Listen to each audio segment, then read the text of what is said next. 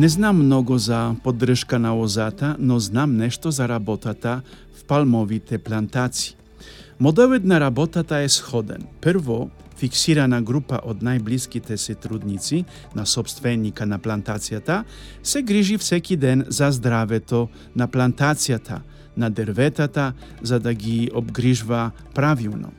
Всеки ден листата на паумите треба да се режат, така че да нямам нито прекалено много, нито прекалено малко.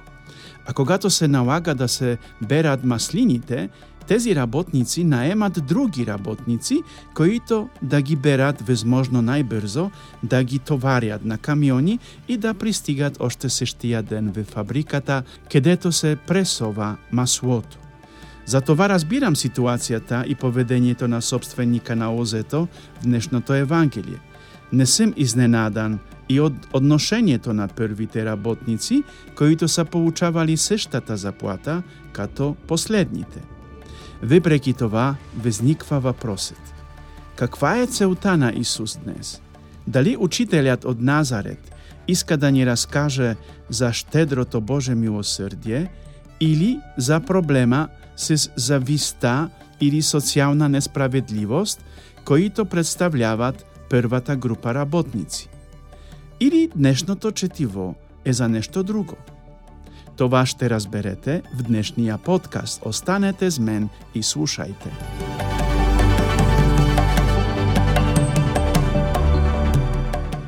Аз съм брат Кшиштоф, аз съм капуцин, живея в Инсбрук и през последните две години записвам подкасти, наречени Я мхм, в които споделям мислите си за неделните четива или за мисионерската действителност в Индонезия и Мадагаскар.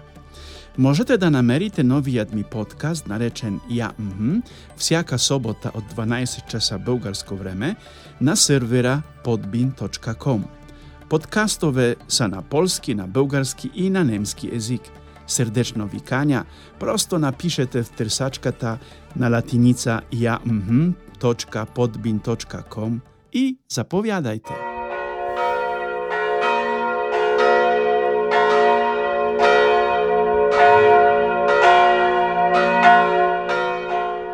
Обзалагам се, че повеќето од нас коите ме слушаат са на страната на работниците коите цял ден са работили в трудните условия на денја, Аз се што сем на тяхната страна.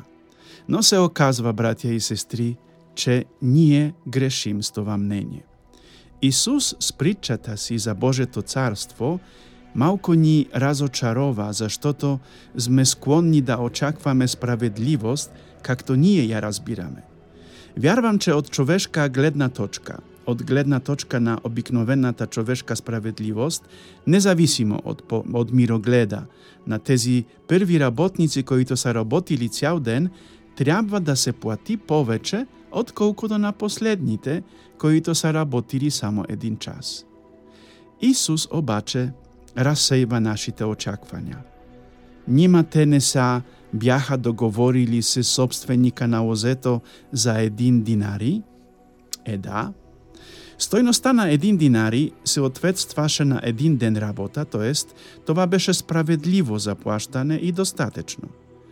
За сожаление, в Израел винаги се плащаше в краја на работнија ден, така че нашите работници, героите од днешната притча, знаеха отлично колку получаваха и последните. Може би ако првите бяха се получили заплатата први и си бяха отишли, те нямаше да разберат колку са получили вторите и нямаше да се стигне до скандал. Може би щеше да има така, но Исус не иска да крие од нас истината за Божето царство. Човешката справедливост не се прилага в Божето царство. Нали? На мен това ми хареса или не, но така е. Крај и точка.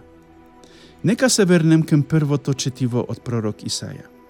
В последното изречение на пророка се казва, че Божите мисли не са като нашите мисли и неговите петишта не са като нашите петишта.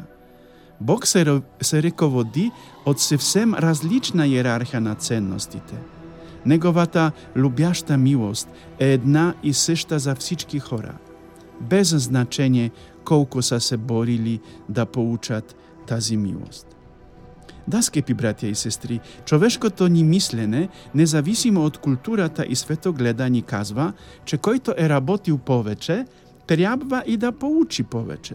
Тоест, нашата логика ни казва, че Бог има повече милост кем поголемите грешници и помалко кем помалките. Дали е така? Днешната прича ни казва не, не е така. Бог дарява една и сешта любов и една и сешта милост на всеки човек. Това научаваме днес од днешното Евангелие. Моите мисли не са като твоите, казва Бог. И моите петишта са различни од вашите. На прв поглед, това изречение ни се струва јасно и очевидно, но когато стигнем до конкрета, не ни хареса многу. Затова нека се запитваме какво очакваме од Бога – лубјаштата любов или човешка справедливост. А сега една забелешка кем завистниците, заштото тези први работници не просто искат поголяма заплаштане поради факта че са работили подолго. Те завиждат на тези следващи, на тези последни работници, че собственикът на озето се однася към последните, също като се стях првите, като са работили в горещият ден. Виждал съм в България по базарите, особено в София, как работниците стоят и чакат някой да е, дойде и да ги на, на, вземе за малка работа. Когато спре колата, за да се вземе нужните за работа хора, прво се избират добре сложените, силни, е, надейни хора – Најчесто работниците на базарите са предназначени за најтешката физическа работа. То се што, по сештото време, в днешната прича, научаваме, че собственикот на озето избирал работници целија три пети през дења. Това означава, че последните които са работили един час, најверојатно са били слаби, са били можеби и болни, са били можеби е, по някакъв начин осакатени, по-скоро непригодни за тешка работа. Следователно виниква скандал, защото собственикът на озето приравнява последните, т.е. тези слаби болни, които са работили е, само един час, се стези првите силни здрави. ревноста прониква в срцата им. Опосявам се, че когато видим кој е в небесното царство един ден и ние ще имаме подобни мисли и чувства. Заштото аз целия си живот сем ходил на црквата в неделя, ще си помислим, спазвал сам постите, заповедите, а този сесед тук живял както си е искал и е на същото място като мен. Как така? Спомнете си думите на Исаја – Нашите мисли и нашите петишта не са като тези на Бога. Нека сега свикнем вече с това и да се пазим од зависта. В крајна сметка, в краја на краишта, всеки којто се е трудил на озето на Господ, получава един ден денар. А върху денара е изображен царјат, тоест jest на този, којто ни дава това заплаштане. Не е ли најважно, че героите од днешната историја на Исус са получили това, което са очаквали? Те са очаквали справедливо заплаштане и именно това са получили. Всеки един од тях. Вашиот сесед којто е прекарал живота се в пиене и неморален живот, или сеседката ви којато е видјава црквата за последен пет при првото си причастие – последниот час од живота си са откликнали на Божјата покана и са утишли при источника на благодатта и прошката. И точно както са те очаквали, и те са получили динарија, злика на Бога, којто ги е направил сешто като вас, жители на Небесното Царство. Вие които сте се трудили през целия си живот, живејќи с думите на Евангелието – и тези, които живяха по друг начин, но са получили заплата от Бога. Вие се борихте с милиони проблеми, греховете, именно за да сте там кедето сте сега. А те, тези зли соседи, са се живели както си искали и се што са тук. Как е возможно това?